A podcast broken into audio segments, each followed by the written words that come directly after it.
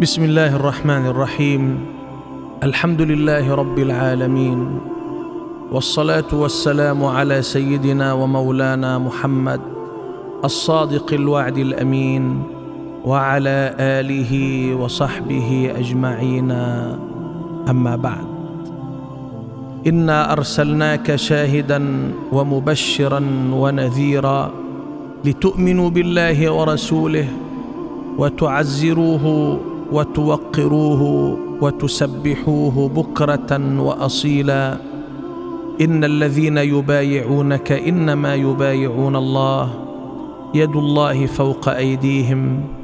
فمن نكث فإنما ينكث على نفسه. ومن أوفى بما عاهد عليه الله فسيؤتيه أجرا عظيما. لا زلنا نتحدث عن صفات النبي صلى الله عليه وسلم الخلقية حتى نتعرف من ذلك على رسول الله لتقودنا المعرفة إلى المحبة وليقودنا الحب إلى الطاعة لتقودنا لتقودنا المعرفة إلى محبة رسول الله صلى الله عليه وسلم وليقودنا الحب إلى طاعته صلى الله عليه وسلم ولتقودنا الطاعة إلى رضوان الله في الدنيا وجنته في الآخرة. في وصف النبي صلى الله عليه وسلم وفي وصف خلقه وسلوكه وأفعاله قال الواصفون كان كريم النفس حليما. كان رؤوف القلب رحيما أوتي خلقا كان عظيما في تنزيل الله مترجم. هذا الخلق العظيم الذي مدحه الله به فقال له وإنك لعلى خلق عظيم تجلى في معاملته لأصحابه. وفي معاملته لأهل بيته وفي معاملته لمن لقيه مؤمنا كان أو غير مؤمن. حسن العشرة الزوجية. كان النبي صلى الله عليه وسلم خير الناس لأهله وهو الذي قال استوصوا بالنساء خيرا وهو الذي قال خيركم خيركم لأهله وأنا خيركم لأهلي. ورد أنه صلى الله عليه وسلم كان يمازح زوجاته ويمازح أهل بيته ويلاطفهم ويتودد إليهم. ذكرت السيدة عائشة رضي الله تعالى عنها. أن النبي صلى الله عليه وسلم ذات يوم سابقها فسبقته وهو أظهر في نفسه ضعفا ليدخل السرور على قلبها وليمكنها من أن تسبقه حتى يدخل السرور على قلبها. فلما تسابقا تأخر قليلا حتى سبقته. وفي مرة ثانية عرض عليها أن تسابقه فلما سابقته سبقها نظرت إليه قال يا عائشة هذه بتلك هذه بتلك. كما كان صلى الله عليه وسلم يدخل الأنس على أهل بيته. ويدخل الأمان والطمأنينة عليهم. كان متواضعا في بيته متواضعا مع أهل بيته يعمل معهم في عمل البيت. يحلب الشاة ويخيط الثوب ويرقع النعل والجلباب. كل ذلك ليعلم أصحابه كيف تكون العشرة الحسنة مع أهل البيت كل ذلك ليعلم أصحابه وليعلم الناس كيف يتواضعون لمن حولهم. حلب الشاة وخاط ثيابه خصف النعل فلا جلبابه علم من هذا أصحابه. كيف يكون العيش الأدوم. علم من هذا أصحابه هو القدوة وهو الأسوة وهو المثال الذي يجب أن نقتدي به وأن نتعلم منه.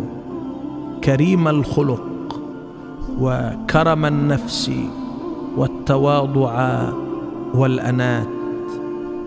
كان من تواضعه صلى الله عليه وسلم أنه يبدأ من يلقاه بالسلام وأنه يمسح ناصية الأيتام وأنه ينزل الناس منازلهم ويكرم سادات الأقوام.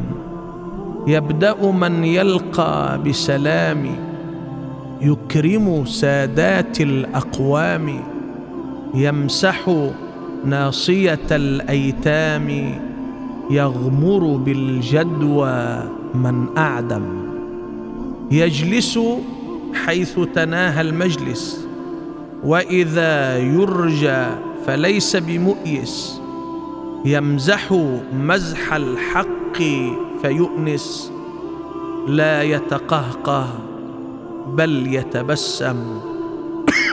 صلى الله عليه وسلم من تواضعه صلى الله عليه وسلم ومن طيب عشرته ومن كرم أخلاقه أنه إذا دخل مجلسا يجلس حيث يتناهى به المجلس فلا يزاحم الناس على أماكنها ولا يطلب تصدر المجالس بل يجلس حيث يتناهى به المجلس. وإذا يرجى فليس بمؤيس إذا استجار به أحد وإذا ترجاه أحد. لم يك يرد مستجيرا ولم يك يرد طالبا ولم يك يرد مستعيذا ولا واقفا ببابه. وإذا يرجى فليس بمؤيس أما مزحه فكان يمزح مزح الحق فيؤنس يمزح بصدق وأمانة ليؤنس من حوله وكان دائما كثير الابتسامة والابتسامة مرتسمة. دائما على وجهه صلى الله عليه وسلم فهو القائل تبسمك في وجه أخيك صدقه كما أنه جعل في التسبيحة صدقه وفي التهليلة صدقه وفي التحميدة صدقه كما أنه قال إن لك بكل تسبيحة صدقه وكل تحميدة صدقه وكل تهليلة صدقة وكل تكبيرة صدقة قال أيضا صلى الله عليه وسلم وتبسمك في وجه أخيك صدقة. لم يمارس الأخلاق فقط مع أصحابه ومع أهل بيته وإنما مع كل من لقيه. هذه الأخلاق وهذه الممارسات ما كانت منه صلى الله عليه وسلم إلا سجية وما كانت منه صلى الله عليه وسلم إلا ادبا أدبه الله عليه هو القائل عن نفسه صلى الله عليه وسلم أدبني ربي فأحسن تأديبي. جعل من التبسم صدقه كما من تسبيح الله وكما من تكبيره وكما من ذكره. جعل من إعانة صاحب الحاجة صدقة قال صلى الله عليه وسلم. وتعين الرجل فتحمله على دابته أو تحمل له متاعه صدقة.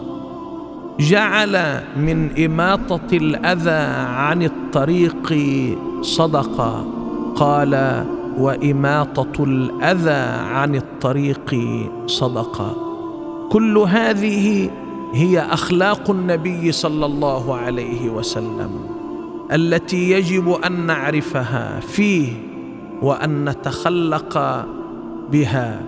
إذا عرفناه بكمال خلقه وجمال خلقه وإذا عرفناه بكمال خلقه وجلال خلقه صلى الله عليه وسلم إذا عرفنا فيه الجمال والكمال والجلال أحببناه فإذا أحببناه أطعناه وطاعته هي أن نتخلق بأخلاقه وأن نسلك على دربه وإذا أطعناه كانت طاعتنا له بابا من أبواب حب الله لنا ورضا الله عنا ودخولنا جنة الله في الدنيا وفي الآخرة. والسلام عليكم ورحمة الله وبركاته.